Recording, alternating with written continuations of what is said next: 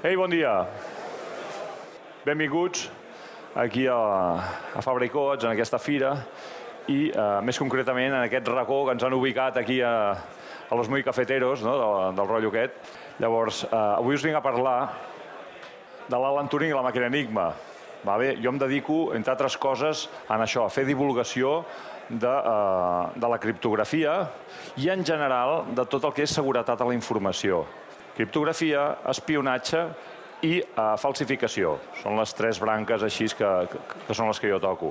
Vale? Avui parlem de criptografia i uh, amb un convidat d'excepció, una convidada d'excepció, que és una maquineta que tenim aquí, que ara en parlarem, de on la sacau que t'ha costat, no? Això és el que em pregunten quan vaig a una universitat o vaig a un institut, sempre, de on la sacau que t'ha costat, no? És la cosa que els hi, els hi frapa. Bueno, llavors, eh, aquesta xerrada que ara us faré és una xerrada que dura una horeta, poder no tant, ho dic perquè ja sapigueu de què va, vale?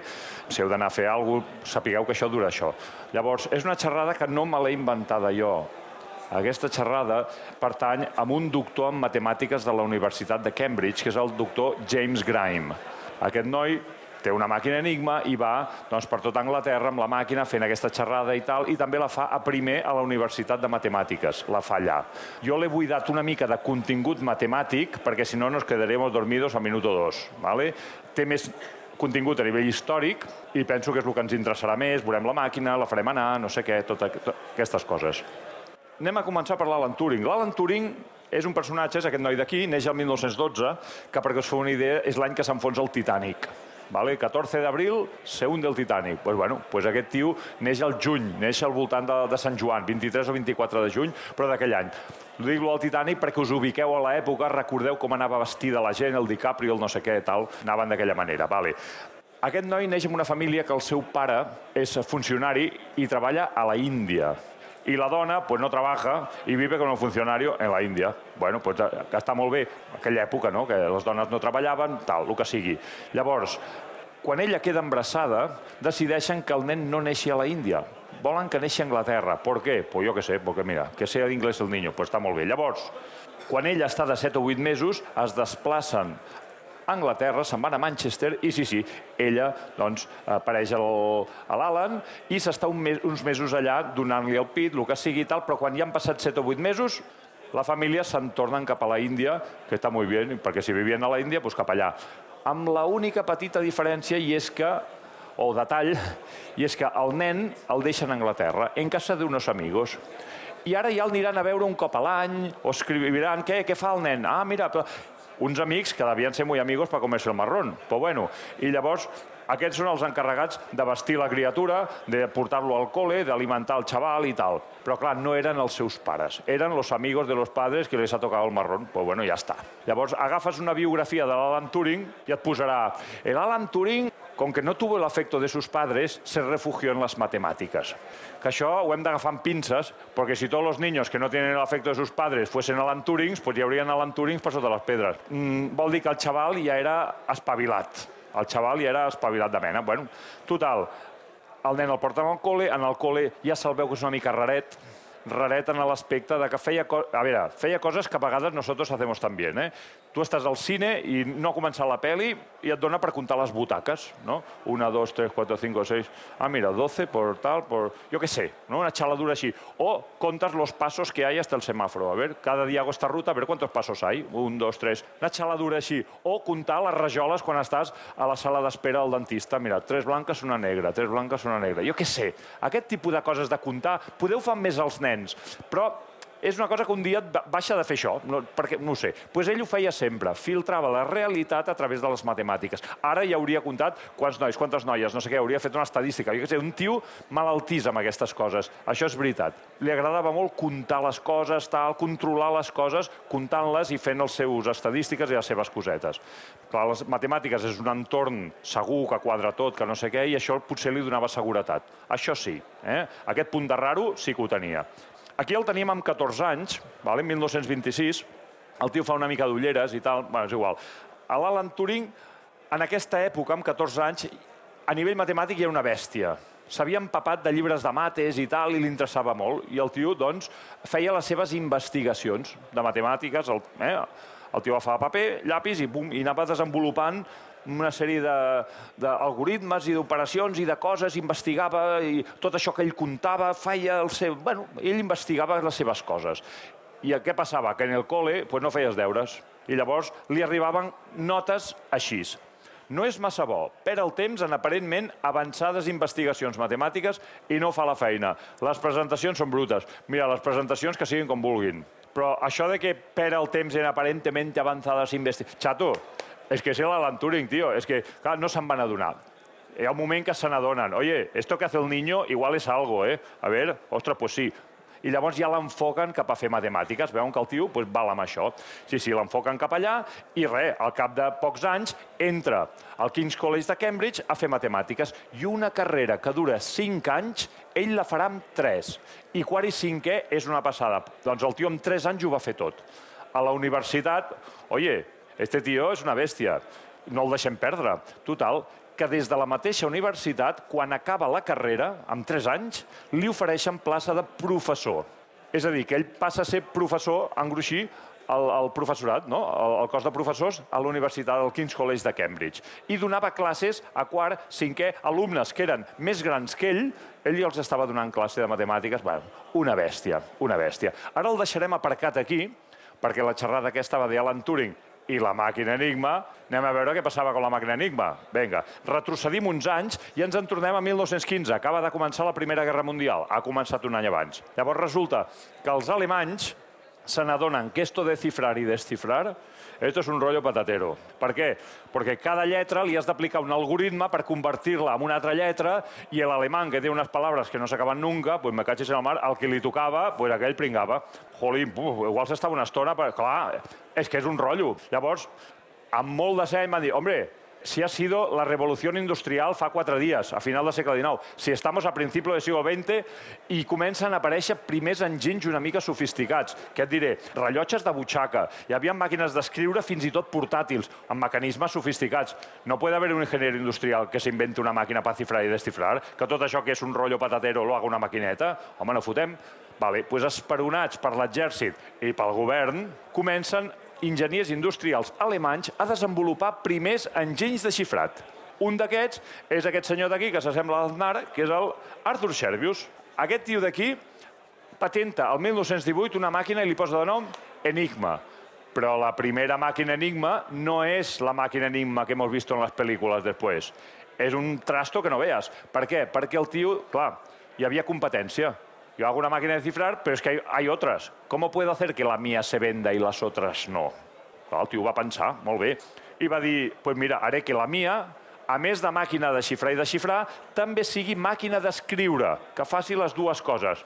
Ah, pues muy bien pensado, muy bien. Total, el tio aconsegueix finançament per uh, dur a la, a la realitat aquest projecte i construeix la màquina. Le sale un maquinón, nen, que semblava una màquina registradora d'aquelles antigues. Pesava més de 50 quilos. Clar, això, en el front, a la guerra, això no serveix.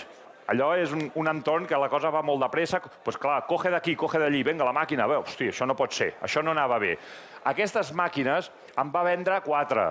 A on? sedes governamentales, tipus ministeris, coses d'aquestes, a, a quatre ambaixades, a sucursals bancàries, a llocs on s'ho podien permetre, perquè a més era caríssima, total, que em va vendre molt poquetes. I la gent que li havien donat calés per fer la màquina li van dir, tio, que has vendido muy pocas y nosotros volem recuperar la pasta, que nos dijiste que la venderías como churros, nen, i total. El tio va haver de fer una pensada i reconduir el negoci. Llavors, la pensada quina és? Pues esto de máquina de escribir, mejor que no. Me quedo con lo de cifrar y descifrar, así la màquina serà més pequeña. Però llavors què passa? Tornem a tenir el problema de la competència. Com puede hacer que la mía se venda y las otras no? I aquí és on el tio se li il·lumina la bombeta en el sentido literal. El tio diu, pues haré que la mía funcione con con bombilles i con una pila i con cables en lloc de que imprimeixi un paper i no sé què. Clar, els cables per dintre la màquina els pots fer anar com vulguis. Total, que el tio fa la màquina i li surt, vamos, molt més petit, amb una caixeta de fusta, supercuca i tal. Els primers que s'interessen amb la màquina, qui són? La Kriegsmarine, la Marina alemanya. Quan la veuen, eh, ja ha acabat la guerra, eh, però vaja, 1925, quan veuen la màquina, hosti, com mola esta màquina. Té aquesta pinta, perdoneu, que no l'havia ensenyada. És, és aquesta màquina. Ja s'assembla molt a la de les pel·lícules, ja s'assembla molt, eh? Com a mola i tal. L'almirant està tan content amb aquesta màquina que se'n va parlar amb el canciller. Quin any era? El 25? Hi havia el Hindenburg, ¿vale? que era un exmilitar. Mejor me lo pones. Pues el tio que ell diu, hombre, ¿os va bien esta máquina? Pues mira, para todo el ejército la màquina Enigma. I sí, sí, al cap de pocs anys, només tres anys després, tot l'exèrcit alemany estan utilitzant la màquina Enigma. Si us heu fixat, va evolucionant. Aquesta Enigma anava estupenda. Com mola esta màquina Enigma? Xifrava superbé, supersegura, tot el que vulguis. No passava, la podies portar, tenia una nansa que no sé què... Vaja, fantàstica. Però tenia un petit inconvenient. Aviam, no en tenia cap, però els militars, l'exèrcit, van veure un petit inconvenient. Quin era? Que com no havien firmat un contrato d'exclusivitat, no l'havien signat, el senyor Arthur Scherbius era lliure de vendre-la a l'exèrcit i a Raimundo i tot el mundo. I el tio tenia un anunci al diari que era això. Chiffre Maschinen, màquina de cifrar, acte no sé quanto, que va muy bien, no sé què vol dir. Llavors, Berlín, no sé què, Steglitzer Strasse, número 2. Tu t'anaves al carrer Steglitzer número 2 i te compraves una màquina Enigma. Mira, mama, com la de l'exèrcit, la misma. Qui va anar en aquest carrer a comprar màquines? Doncs pues un senyor que es deia Paco, el Francisco Franco se'n va anar. A... Bueno, ell no, va fer anar a algú a comprar màquines. No, és que Hitler ayudó a Franco en la guerra civil i le regaló màquines Enigma. Mentida, les, paga, les van pagar trinco-trinco, que encara hi ha la factura. Llavors, en van comprar 27 o 28 d'aquest model, del modelo, diguem-ne, comercial. ¿Por qué comercial? Porque se vendía en las tiendas, ¿vale? Tu anaves al Corte Inglés i te'n compraves una. Bueno, al Corte Inglés, anaves aquí, eh? Ens entenem. Això a l'exèrcit no li va molar gens. A l'exèrcit li van dir, oi, Arthur Scherbius, vine cap aquí esto de que vendas esto en, la, las tiendas y tal, això no pot ser, que l'anuncies en el periòdico... I, no. L'ejército hem de tenir una màquina que sigui només per nosaltres, un enigma militar, que sea més segura, que bla, bla, bla, bueno, el que sigui, no? Li van dir una sèrie de tres que havia de tenir la màquina. I l'Arthur Scherbius va sortir d'aquella reunió feliç de la vida, el tio. Home, clar, li acabaven d'encarregar milers de màquines. Clar, si el tio li fa una màquina militar, clar, a canvi de, de què? De que li li compraran, pues, quantes en comprarà l'exèrcit? Pues milers, clar, un negoci brutal. El tio il·lusionat comença a pensar ¿cómo tiene que ser la màquina militar esta? A ver, ¿qué le puedo hacer a esta màquina para mejorarla? Què li puc fotre? I el tio comença a pensar, pensar, pensar, i pensa tant que un any després li explota el cap i es mor. Pum, ja està. Vale, ja hem acabat. Jo dic que li explota el cap, no li va explotar el cap. Va morir d'una mort que ja no se muere nadie. ¿Vale? És una muerte victoriana romàntica preciosa. El va atropellar un carro de caballos. Bueno, mira, va morir així. Que em dius, com murió? Pues mira, lo atropelló un cotxe elèctric. Claro, com no se oye. Però un carro de cavalls, vols dir que no se oye? Home, no fotem. Vol dir que el tio anava pensant amb la màquina i no sé què, bum. Això com el Gaudí, també. Que el del tramvia devia estar tocant la campana feia mitja hora. Quita d'allà, tal, bum. I el Gaudí anava pensant amb el tal, bum. Bueno, pues llavors, aquest tio mor, però tot i així, el tio ja havia deixat els planos de com tenia que ser la futura màquina militar, ja havia deixat la idea i els dibuixos i la cosa. Ell no la va veure construïda, però un any després, a la fàbrica que ell havia eh, creat, apareixen la primera màquina militar d'Enigma, tal i com ell l'havia dissenyat. Vale? Enigma 1. Ara ja no hi ha lletres, ara els hi posen números. Enigma 1. I aquí tenim una foto que no és de l'any 1930, no us enganyaré, aquesta foto és de l'any 36-37. Tenim uns oficials de transmissions alemanys, eh, molt dolents, i estan aquí doncs, fent anar el, tal la màquina Enigma per aprendre com funciona, no sé què. Bueno, aquest model de màquina Enigma ja és el model de la Wehrmacht és un model que a Espanya n'hi ha dues. Una està al Museu de l'Exèrcit, al Alcázar de Toledo, allà darrere una vitrina. Puedes hacer una foto sin flash. Ah, vale, venga, pum, pam. I l'altra la tenim avui aquí a Fabricots, que se puede tocar, se puede tal, i se puede hacer fotos con flash i no passa res. Vale? La utilitzo, li dono molta canya, un dia es trencarà i sí, trurut. Però bueno, prefereixo això que no tenir-la detrás d'una vitrina agafant pols pues mira, le doy más vida i más marxa, pues ja està. Llavors, quantes en van fer? En van fer 40.000 en van fer 40.000. Per què 40.000? Perquè tenien muntat un sidral los alemanes durant la guerra que no veus, no? Des de Rússia fins a, fins a l'Àfrica, per tot arreu. Cada barco, cada submarino, cada... tothom havia de tenir el, el seu iPhone, bueno, la seva màquina Enigma, no? Era l'iPhone de l'època, no? Per mandar-se els mensajes. Pues mira, és això. Eh? Llavors, en van fer moltíssimes. De, de les 40.000 n'han quedat unes 350. La meitat estan a museus, la meitat en mans de col·leccionistes, i eh, en té una, per exemple, el Mick Jagger, cantant dels Rolling Stones. Per què? Perquè le mola el tema. De fet, fa un cameo en una pel·lícula que es diu Enigma, de l'any 2000, que sortia la Kate Winslet, pues surt ell vestit d'oficial anglès i no sé què. Bueno, pues en té una, perquè si no se la compreu el Mick Jagger ja pleguem, ¿vale? perquè aquestes màquines són cares com el foc. Però bueno, Seguim. Anem a mirar aquesta màquina, anem a obrir-la, anem a veure, anem a xifrar alguna cosa, que això és lo divertit. Anem a obrir la màquina, gràcies al senyor Steve Jobs podrem veure alguna cosa.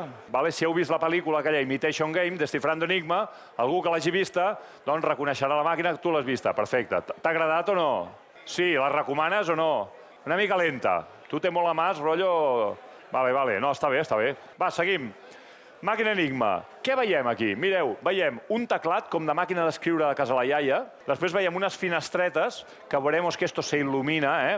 Llavors, hi ha un interruptor que és per engegar i per apagar la màquina. Aquí hi ha dos borons aquí que serveix per si no tienes bateria poder-le meter electricidad des de fuera, no? I després tenim aquí los rotores, que los rotores roten, ¿vale? Sí, els alemanys fan les coses ben fetes. I després Aquí tenim unes finestretes, que fem així, i vemos que hay unos números, 16, 15, 14, no sé què, vale, bueno, ja veiem una mica la cosa, eh?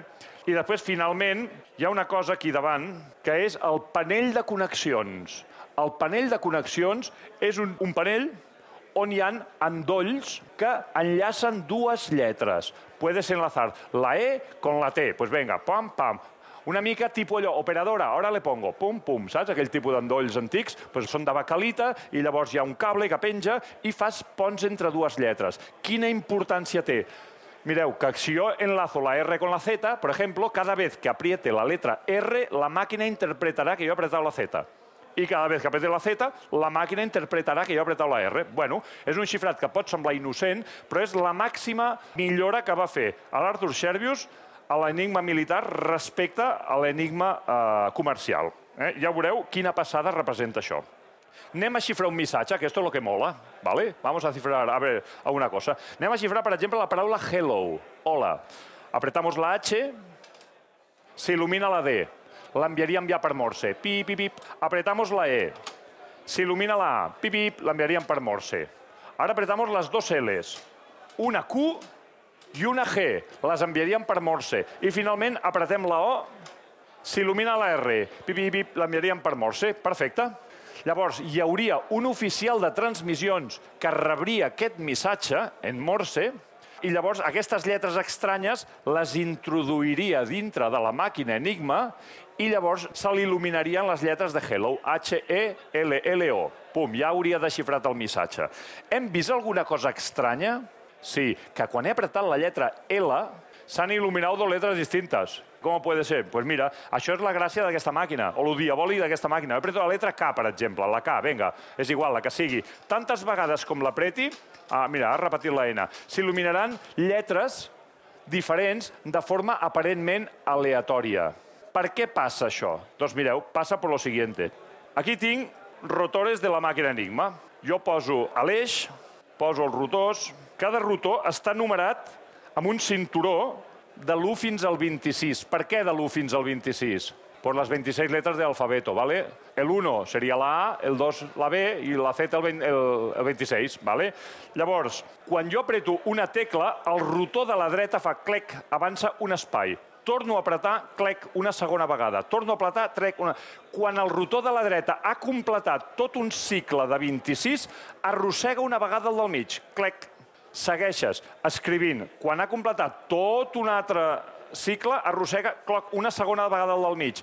Quan el del mig ha completat tot un cicle, arrossega una vegada el de l'esquerra. És a dir, que el de l'esquerra és com si fos aquest el rotor lento. Este és el rotor medio i aquest és el rotor ràpid que avança a cada vegada que jo apreto una tecla. S'entén això més o menys? Vale. I què hi passa dintre dels rotors? Quina importància té això? Doncs ara hi veurem la importància que té que avancin els rotors.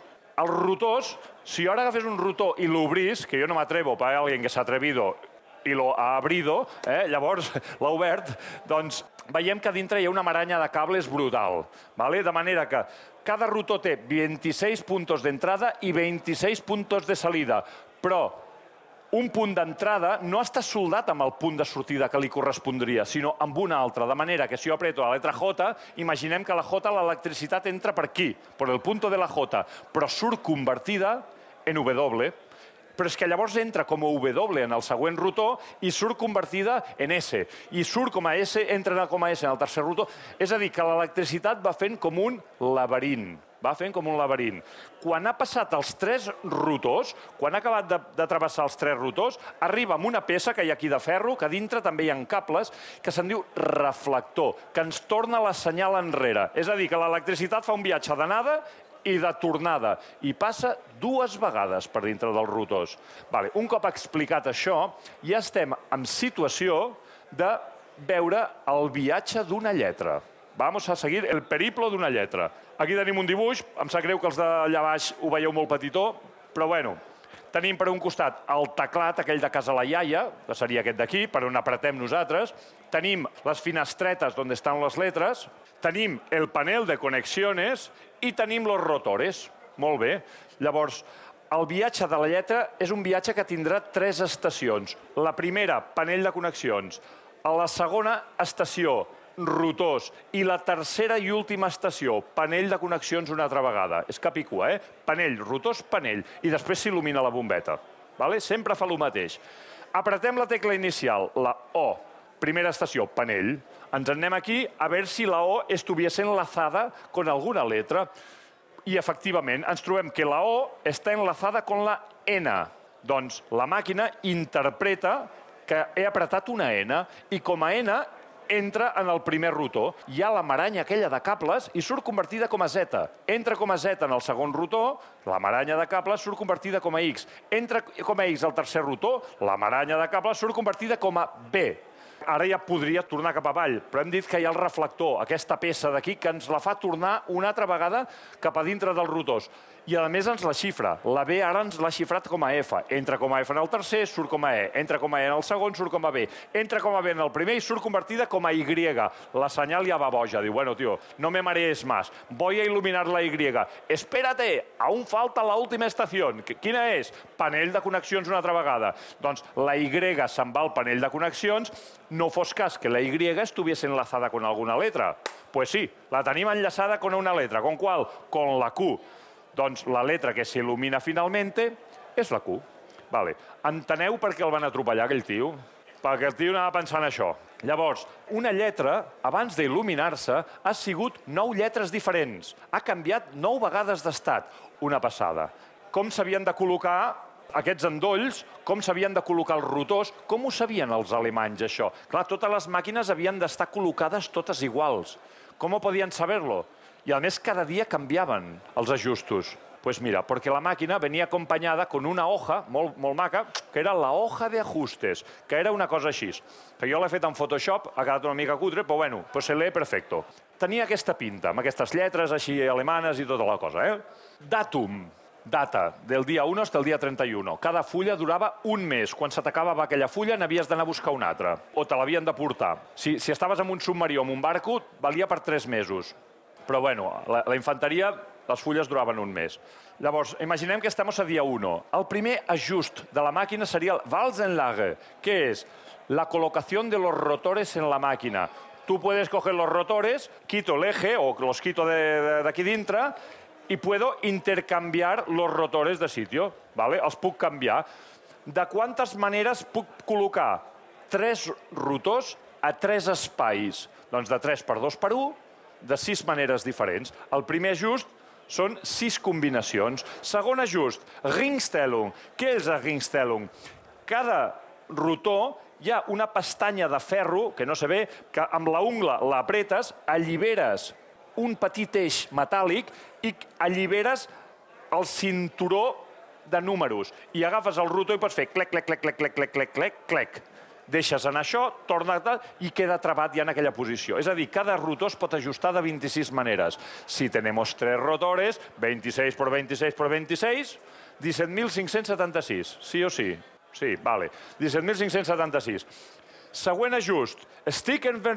Vale, el que sigui. Vale. Què seria això? Això seria aquesta millora tan gran que va fer l'Arthur Servius, que és el panel de conexiones. Pues mira, aquí pone la Q con la S. Pues agafar la Q con la S, la R con la no sé què. I vas fent, vas endollant parelles de lletres.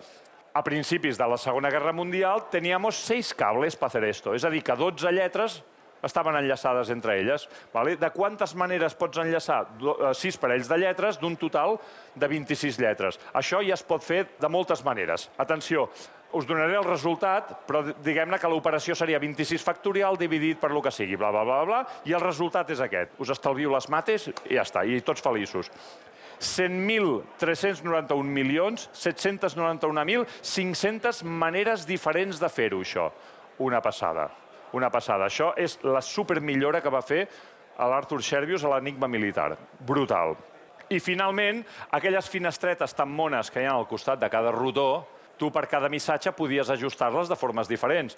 De quantes? Pues de 26 per 26 per 26, 17.576 maneres més. I ara sí que si multipliquem tots aquests conceptes, tindrem els ajustos de la màquina Enigma a principis de la Segona Guerra Mundial, que són 186 trillones. Una passada, ¿vale? Hem arribat al cim, no? veiem una miqueta la complexitat de la màquina i ara anem a veure com ho van fer els aliats o qui va ser el primer que va desxifrar els missatges d'Enigma. Va ser l'Alan Turing? No. El primer va ser aquest tio d'aquí, el senyor Marian Rejewski, un polac, 1932. Polònia tenia un problema, un problema, diguem-ne, de, de veïns. Era un problema de que està ensotada Polònia entre Alemanya i Rússia. Però no l'Alemanya d'Angela Merkel i la Rússia de Vladimir Putin, no. L'Alemanya d'un Hitler que cada vegada tenia més poder i la Rússia de Joseph Stalin. Vol dir que els tios deien aquí nos van a caer palos, però bien, nos va a llover palos que no vegis. Molt ben pensat. Llavors els tios sabien que els hi anava la vida amb desxifrar els missatges que anaven interceptant dels alemanys. ¿Vale? els hi anava la vida. Es que són indescifrables. Bueno, pues nosotros lo tenemos que hacer. Hay que intentarlo. ¿vale? Agafen en aquest matemàtic i li ensenyen els missatges. I el tio, uy, qué mensajes más raros, ¿cómo están hechos? Es que los alemanes tienen una máquina que se llama Enigma y que hace esto. Ah, muy bien. ¿Y dónde la tenéis? Ah, no la tenemos. Home, xato, llavors com vols que desxifri els missatges? Jo necessito tenir una màquina o tenir els planos de la màquina, necessito algú que ens passi la informació. Necessitaven un espia. Doncs l'espia va sortir, tu. L'espia va ser aquest tio d'aquí, el senyor Hans Thilo Schmidt, espia alemany. Era un tio que treballava a l'oficina de xifrat alemanya. I, a més, el seu, la seva funció era vigilar els planos de la màquina Enigma. Però què, què passava amb aquest tio? Que aquest tio, quan arribava la nit, per ell era Oktoberfest tot l'any. Clar, home, aquest era un juerguista, i iba a los clubes nocturnos, i les cenes de no sé què, i les senyores, i venga, i aquest tipus de vida és molt car. És molt car. Llavors, el tio què va fer? Anys 30, període entre guerres, no passa res, doncs pues venga, el tio va agafar els planos, va, va travessar el carrer i davant tenia l'ambaixada francesa es va vendre els planos. Clar, els francesos van veure allò, ulala, que és que sé, hosti, la màquina Enigma, nen, quanto quieres? 10.000 marcos, com aquests. I els francesos els hi van passar la informació, perquè amb això sí que compartien la preocupació pel que estava passant a Alemanya, els hi van passar els, en els polacs. I, el, i el Marian Rejewski li van plaure els planos que necessitava, escolta, del cel. Va ser fantàstic. I el tio, amb aquells planos, sense haver vist mai una màquina Enigma, va ser capaç de, un any, construir una rèplica el panell de connexions ja no el va fer davant ell, ell el va fer aquí darrere. Però bueno, és igual, la màquina funcionava igual. A l'oficina de xifrat li diuen, bueno, pues ya tienes la máquina, venga, descifra los mensajes. y Marian Rejewski va dir, vale, tío, tengo la máquina, pero ahora hay que ajustarla. Y hay 186 trillones de ajustes, tú dime cuál, y yo lo, lo pongo, ya está, no hay problema. Ah, hosti, i ara què, què fotem? I aquí és on va tenir una superbona pensada el Marian Rejewski. Va dir, davant d'un problema tecnològic, la solució ha de ser tecnològica. No pot ser que jo, amb el meu cervell, ataqui 186 trilions de combinacions. Vale? Però em veig capaç de construir una màquina que lluiti contra una altra màquina, rotllo Transformers. Vale? Llavors, el tio va dissenyar una màquina que li va posar de nom Bomba, que ha quedat aquest dibuix, una cosa estranya, però bueno, és el que ha quedat. Eh? Ens ho creiem, és això. Llavors, una màquina que simulava seis màquines Enigma. ¿Por qué seis? Porque es el número de combinaciones posibles de permutaciones de poner los rotores a la màquina. Són sis. Pues bueno, i la màquina funcionava per força bruta. Què vol dir? Atacant totes les combinacions que en su vida hagués desxifrat res, aquest tio, d'aquesta manera. Però què passava? Que a més de tenir el, la bomba aquesta que havia construït, tenia una màquina Enigma Però el més important, hi havia un senyor que es deia Hans Tilo Schmidt, que el tio seguia volent anar-se'n de festa i volia més pasta. I els hi va començar a passar fulls d'ajustos, protocols de xifrar, no, de xifrat, no sé què, tot de coses amb les quals Marian Rejewski realment entre aquestes tres coses, la màquina, la bomba i la informació de l'espia, va començar a desxifrar alguns missatges. Van ser els primers. Els primers hem de xifrar missatges. Els polacs, no tots els missatges, alguns, de tant en quant, però bueno, van ser els primers. Eh? Què passa? Empieza la Segunda Guerra Mundial, esclata la guerra i els alemanes incrementen la seguretat d'Enigma afegint dos rotors més. No és que la màquina vaya con cinco rotores, la màquina va con tres, pero son tres que els pots triar d'una cajita donde hay cinco. ¿Y de cuántas maneras puedes poner cinco rotores a tres espais? Dos de cinc per quatre per tres, de 60 maneres diferents. I els polacs, una bomba que simulés 60 màquines Enigma, ja no la podien construir. I en aquell moment piquen la porta dels anglesos. Eh, ens foteu un cop de mà? I aquí és on retomamos la història del nostre amic Alan Turing, que l'havíem deixat a la universitat que s'acabava del tio de licenciar. Vale? Fent matemàtiques, el, el tenim aquí. L'Alan Turing, l'any 34, és que lo de la màquina Enigma no sabe ni... Va, està ficat amb altres coses fa investigacions matemàtiques, dona les seves classes. Una de les coses que investigava va ser un problema molt xulo que havia anunciat un matemàtic alemany, vale? un tio que semblava el Papa Noel, en David Hilbert. Aquest tio va anunciar una sèrie de problemes matemàtics a la comunitat internacional i un era el problema de decisió. Bé cuento, eh? Jo us l'explico i el que ens interessarà és la solució que va donar l'Alan Turing. Problema de decisió diu, existe algun mètode general que el puguis aplicar sempre per esbrinar si una afirmació matemàtica és verdadera o falsa? Que què? Aquest problema tan raro, l'Alan Turing va dir, que interessante, voy a descifrar-lo. Bueno, total, que el tio, per donar solució a aquest problema raro, el que va fer va ser dissenyar una màquina que pensés com una persona. ¿Cómo pensamos las personas? Pues todos pensamos igual, tu. Tots som igual de bàsics. Oi, el fuego, qué bonito, voy a tocarlo. Pum, et cremes. Ja mai més poses la mà al foc. Vale? Aprens dels teus errors. Doncs aquesta màquina que va idear l'Alan Turing pensava com una persona, aprenia dels, dels errors o de les contradiccions. No la va construir, la va dissenyar a nivell matemàtic, eh? pum, pum, pum, pum, amb números. Llavors, amb aquesta màquina va poder donar resposta. Oye, David Hilbert, que esto del problema este raro que dices, esto no tiene solució perquè he hecho esta màquina, què tal? Quina importància té això? Doncs l'Alan Turing fent això acabava de... Bueno, era la primera persona a la història de la humanitat que s'imaginava una màquina que pensés com una persona. I fent això, dissenyant aquesta màquina a nivell matemàtic, acabava de posar la llavor de la futura ciència computacional. ¿Por qué Alan Turing es el padre de la informàtica? Sí, porque descifró Enigma. Mentira. No, porque la, la màquina de Turing... Mentira. Per la solució que va donar al problema de decisió de David Hilbert l'any 1936. Por eso es el padre de la informàtica. Seguim. Esclata la Segona Guerra Mundial. 1939. L'Alan Turing es planta a Bletchley Park, ciutat de vacaciones. Un lloc la mar de xulo, on tenen a tot de matemàtics agafats d'Oxford, de Cambridge, bum, els porten tots allà perquè intentin desxifrar la màquina Enigma.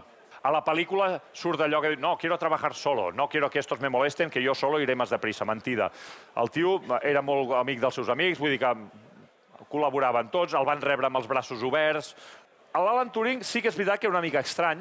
A la pel·lícula, quan la veieu, ell ja l'ha vista, surt, sembla que té una síndrome d'Asperger o que tingui alguna cosa d'aquestes, que no passa res, hi ha molta gent que el té, no passa res, però o com si fos una mica, no, una mica raro, no?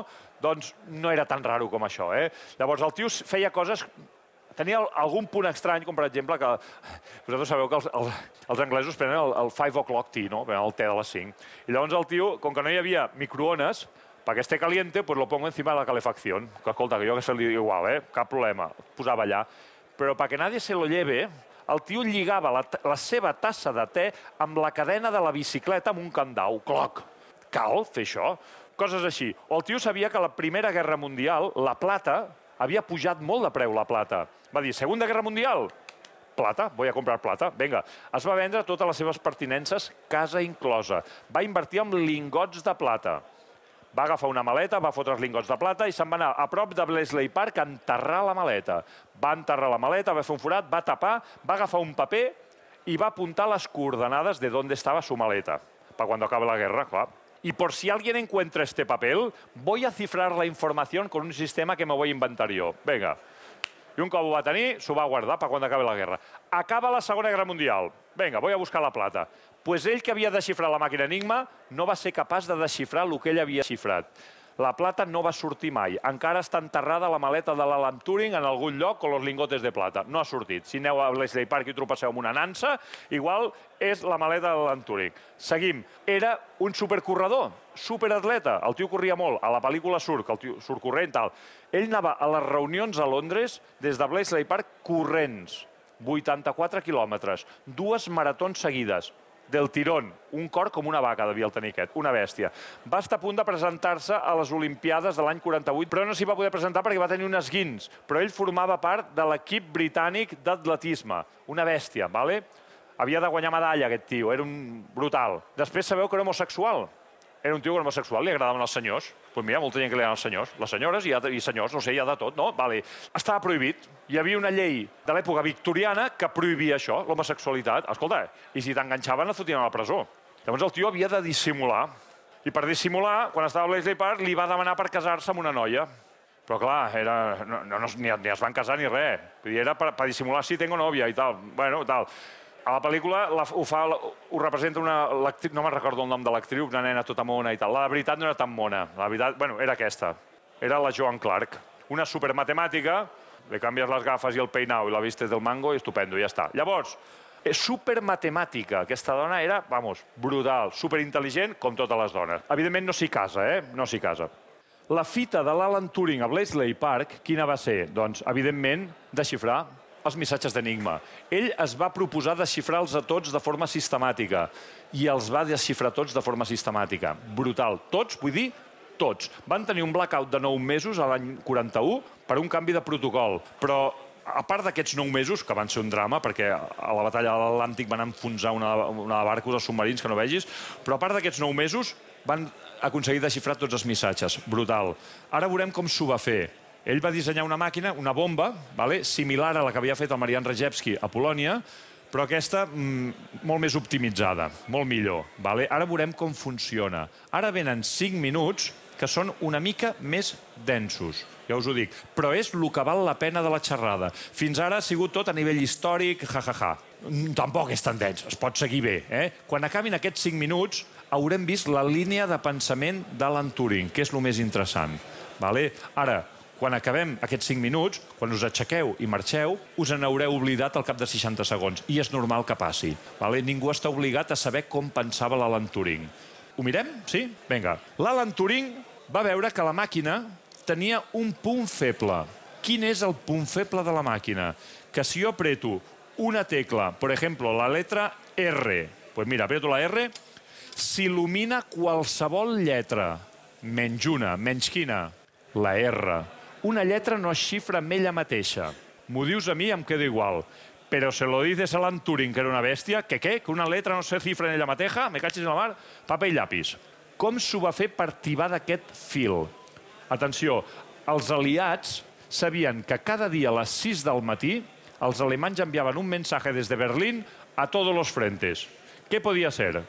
Guten Morgen, no. Les òrdenes, el no sé què, no van fer un brainstorming i van arribar a la conclusió de que l'únic que podia ser era la informació meteorològica. I tenia lògica, això. Perquè no pots tenir amb un Tomàs Molina en tots els frentes allà amb casco pel matí, parcialment nuboso, despegado por la tarde con el llovitnes. Vinga, hasta mañana. No, no pots tenir un home del temps, tants homes del temps, ¿vale?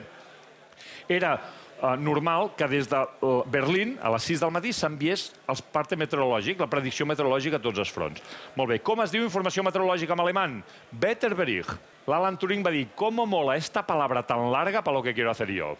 Pasadme los mensajes interceptados de las 6 de la mañana. Pasádmelos. I li, li donaven, toma, Alan Turing, esto. Hòstia, qué mensaje más raro. Bueno, no sé lo que pone, l'únic que sé és que això és la informació meteorològica. Pues en algún sitio lo tiene que decir amb bona lògica, el tio va agafar i va posar la paraula Betterberich aquí sota. I com ell sabia que una lletra no es xifra amb ella mateixa, feia això. Plim, plim, plim, plim. Toma, una T que s'ha xifrat amb ella mateixa. Vol dir que aquí no hi diu informació meteorològica i ho bellugava i seguia buscant. Plim, plim, plim. Toma, una altra lletra que es xifra amb ella mateixa com que la màquina no ho permet, vol dir que aquí no pone informació meteorològica i tornava a, a bellugar-ho fins que trobava un lloc on encaixava, on cap lletra xifrava amb ella mateixa. Vol dir que aquí diu informació meteorològica? No, segurament no, però el sitio on lo ponga ha de ser un lloc com aquest. Llavors, fins aquí penso que tots hi haguéssim pogut arribar. És molt visual, això, no? Comparar un, unes lletres amb les altres, ho haguéssim pogut treure, això. Però només fins aquí. Ara ve el geni. Ara ve l'Alan Turing. Aquí ja no hi arribem. Si algú sap a partir d'aquí què s'ha de fer, que m'ho digui. Que s'aixequi perquè directament el portarem a, a, a, a, a la tele, vale? no sé. Vale? A partir d'aquí, l'Alan Turing feia lo següent. Atenció, la seva lògica, eh? El tio deia, bueno, i un cop tenim això, numeramos les posicions. I un cop numerades, busquem una lletra que xifri de formes diferents, com per exemple la lletra T. A la posició 2, la T se convierte en una E. En la 3, en una Q. En la 4, en una B. I en la 13, la T se convierte en una G és igual que estigui a dalt o a baix. La màquina és simètrica, tant li fot. ¿vale? Molt bé. I ell deia, pues cogemos la primera, ¿no? La T con la E, la posició número 2. Pues venga, posició número 2. I feia aquest dibuix. No ens espantem, no són grans matemàtiques. És el caminet que fa l'electricitat des de que apretes una tecla fins que s'il·lumina. Us en recordeu que parava a tres estacions? Panell de connexions, rotors, per on hi passa dues vegades els rotors d'anada i de tornada, i una altra vegada el panell de connexions? És com si jo hagués dibuixat la màquina Enigma. Ell sabia que la posició 2 deia entra una T i tiene que salir una E. Això ho sabia 100% segur. Ara, lo que passa aquí dentro no en tenia ni idea. Ni ell, ni nosaltres, ni ningú i ell feia una hipòtesi. Deia, pot ser que en el panell de connexions la letra T estigui enllaçada con una letra, ¿con cuál? Pues mira, posem con la A, per començar, ¿no? Posem una A, ¿vale? Ahora si entro la A dentro de los rotores, a ver qué pasa. Pues voy a entrarlos. A ver, ¿cómo pongo los rotores? Pues mira, como te dé la gana, però tu apuntes com comencis. Pues mira, 01, 25, 05. Pues venga, pongo la A. Que s'il·lumina una E. Bingo. Però el normal és que s'il·lumini una altra lletra. Imaginem que s'il·lumina la lletra P. Ell deia, vale, pot ser que en el panell de connexions la P i la E estiguin enllaçades. Com a hipòtesi, esto s'aguanta. Però com que tenim quatre letres T's, anem a fer-ho amb les quatre. Amb la primera ja ho hem fet. Amb la segona, entra una T i, se tiene, i tiene que il·luminar-se una Q. Seguim amb la mateixa hipòtesi. Entrem la en els i ara se'ns il·lumina una K. Pot ser que la K i la Q estiguin enllaçades? Bueno, pot ser, per què no? Com a hipòtesi s'aguanta. Posició 4. Entra una T i s'ha d'il·luminar una B. Seguim amb la mateixa hipòtesi. Entrem la A en el rotor. Se'ns il·lumina una X. Bueno, ell deia, pot ser que la X i la B estiguin enllaçades. Com a hipòtesi s'aguanta. Però què passa amb la posició 13? Entra una T i s'ha d'il·luminar una G amb la mateixa hipòtesi, la A, funcionem amb la mateixa hipòtesi. Entrem la A dintre dels del rotors i se'ns il·lumina una T. Pot ser que la T estigui enllaçada amb la G? No, perquè estem treballant amb, amb la hipòtesi de que la T està enllaçada amb la A, no amb la G. Una mateixa lletra no pot estar enllaçada a dues lletres alhora. La màquina ha trobat una contradicció. Recordeu com funcionava el problema de decisió, eh? Quan trobava una contradicció, la màquina s'atura. I tota la branca d'operacions que pengen d'aquesta hipòtesi queden descartades de cop, invalidades per això, per aquesta contradicció. I poden ser milions d'operacions, totes invalidades. I la màquina genera una nova hipòtesi. Quina nova hipòtesi? I si la T estuviese enlazada con la B? Que troba una altra contradicció. I si la T estigués enllaçada con la C? I va provant. Si arriba la hipòtesi i si la T estigués enllaçada amb la Z i també troba una contradicció, que és el més normal que passi, vol dir que la posició de rotors amb la que hem començat a treballar no és correcta. Hem d'agafar un dels rotors i fer clac i tornar a començar. Això que sembla... Pues vaya, que pesado. Ojo, la bomba de Turing simulava 32 màquines Enigma en paral·lel. Cadascuna d'aquestes simulacions descartava tres contradiccions per segon. És a dir, que cada segon 96 contradiccions eren descartades. I cada contradicció volia dir milions d'operacions descartades. Vas multiplicant i te n'adones que aquesta màquina, a mida que funcionava, era com un embut. Cada vegada quedaven menys opcions a xequejar. Cada vegada menys, menys, menys, menys, menys. Què trigava la màquina en provar totes les posicions dels rotors? 20 minuts. En 20 minuts havia provat totes les posicions possibles dels rotors en 20 minuts. Llavors, vol dir que en menys de 20 minuts, òbviament, ja havien tret els ajustos de la màquina Enigma. Havien tret els ajustos per desxifrar el missatge. No havien desxifrat el missatge. Havien tret els ajustos, que és molt més interessant, perquè con los ajustes, com que los ajustes duraven 24 hores, tenint els ajustos d'un missatge, et servia per desxifrar tots els missatges d'aquell dia. Una passada. Acabem ja. Què va ser dels protagonistes d'aquesta història? La màquina Enigma va evolucionar fins al modelo M4, dels U-Boot famosos, dels submarins. És la més famosa, aquesta màquina, és de la que en queden menys exemplars, molt més segura que no pas aquesta, bé, diferent. Eh? Què va ser del senyor Marian Rejewski? Aquell noi que havia desxifrat els primers missatges enigma a Polònia. Doncs aquest tio, durant la Segona Guerra Mundial, se'n va anar a viure a Anglaterra i a l'any 47, ja acabada la guerra, se'n van tornar a Polònia, a Varsovia, i va estar treballant en un banc de comptable. I nunca nadie supo que el tio havia descifrat els mensajes d'enigma. Fins a l'any 1976, que va aparèixer un llibre a Anglaterra que es deia La història secreta de Ultra, que Ultra era el nom de l'operació aquesta de, a Bletchley Park, de desxifrar missatges. I allà posava, hubo un, un, un, un polaco que se llamava Marian Rejewski, sé què. Els polacs van llegir allò i van dir, hosti, un polaco, vamos a buscarlo. I el van trobar. El tio ja tenia 70 alguns anys i encara el van poder entrevistar, no sé què, tal. Avui en dia hi ha el Museu Marian Rejewski, la plaça, no sé què, l'escultura, tot... és un heroi nacional. Eh? Què va ser d'aquest, el campió, aquest home, Hans Thilo Schmidt, l'espia alemany? Aquest era un, un fier, aquest, eh? Aquest amb la seva dona, amb unes banyes i tal. Bueno, hombre, sí, home, sí, no passa res. Llavors, aquest tio, la Gestapo, van descobrir que aquest tio gastava més pasta de la que guanyava. Oye, este tira molt de, de beta. Esto, ¿De què trabaja? Pues mira, trabaja con las máquinas Enigma. Uy, vamos a buscarlo, vamos a interrogarlo, no, no sigui cas que aquí ens trobem un problema. I el van agafar. I en el moment que el van interrogar, el tio pff, es va suïcidar. Hans Thilo Schmidt, a l'any 43, es suïcida. Què va ser de les màquines Enigma que van quedar? Doncs mira, els Estats Units van agafar totes les que van trobar i es van dedicar a vendre-les a governs de Sud-amèrica. Penseu que els Estats Units són els que havien finançat les màquines i havien construït la bomba de Turing. No una, vàries. I les enviaven per barco a Anglaterra. No les construïen a Anglaterra, les feien els americans. A canvi de què? Pues de que toda la información que saquéis la compartís con nosotros. Total, que els americans que estaven en el ajo de com se descifraven les màquines Enigma es van dedicar a vendre màquines Enigma a governs de Sud-amèrica, acabada la guerra. Oye, tenemos estas máquinas Enigma que son alemanas y van estupendas. Nadie sabrá lo que os decís. Vale? Els americans sempre tan guais. A Bolívia, fins l'any 56, encara estaven utilitzant la màquina Enigma. I els americans, vamos, com si llegissin l'Ola, tu. Eh, ho desxifraven tot. Vale? Bueno, sempre tan guais. Què va ser del senyor Alan Turing? L'Alan Turing va tornar a la universitat i un cop a la universitat es va dedicar a investigar patrons matemàtics a la natura. Totes aquelles coses de, del col·le que diuen sí, la proporció àurea, la xifra de Fibonacci, no sé què. Doncs pues bueno, el tio estava ficat amb tot això i bastant més enllà. Vale? Una mica va seguir la tasca del Pitàgores.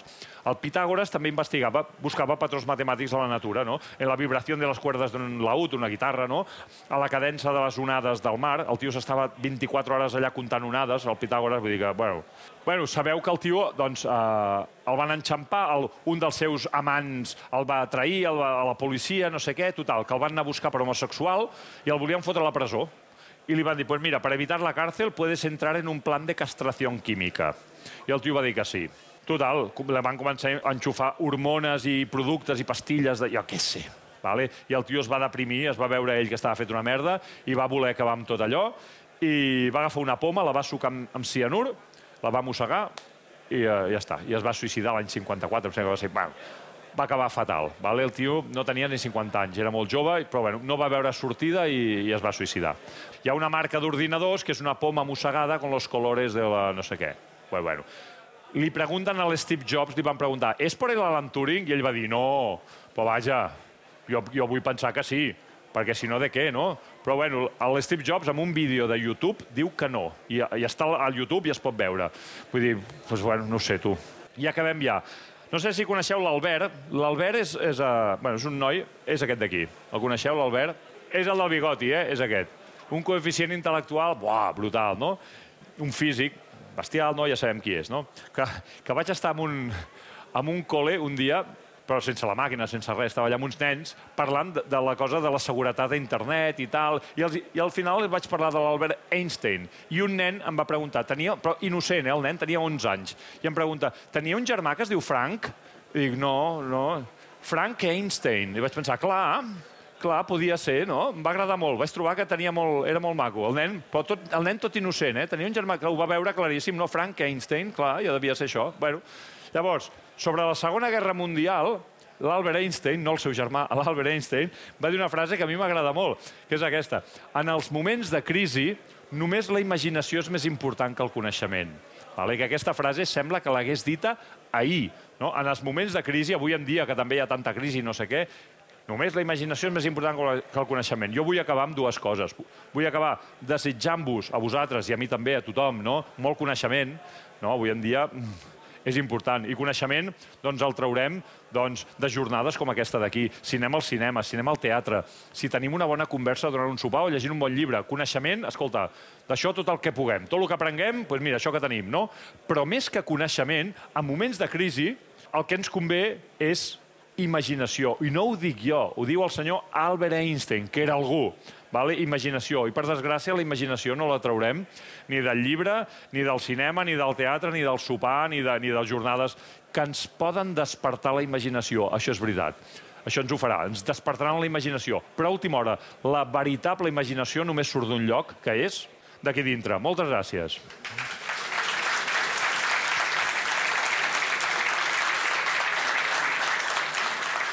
Si... Gràcies. Si hi ha alguna pregunta, jo encantat de respondre si la sé. Vale? Si no la sé, també ho diré. Hi ha alguna pregunta? Voleu saber d'on va sortir, no, aquesta màquina, una miqueta? Vale. Jo us explico. Aquesta màquina la vaig anar a buscar a Manchester.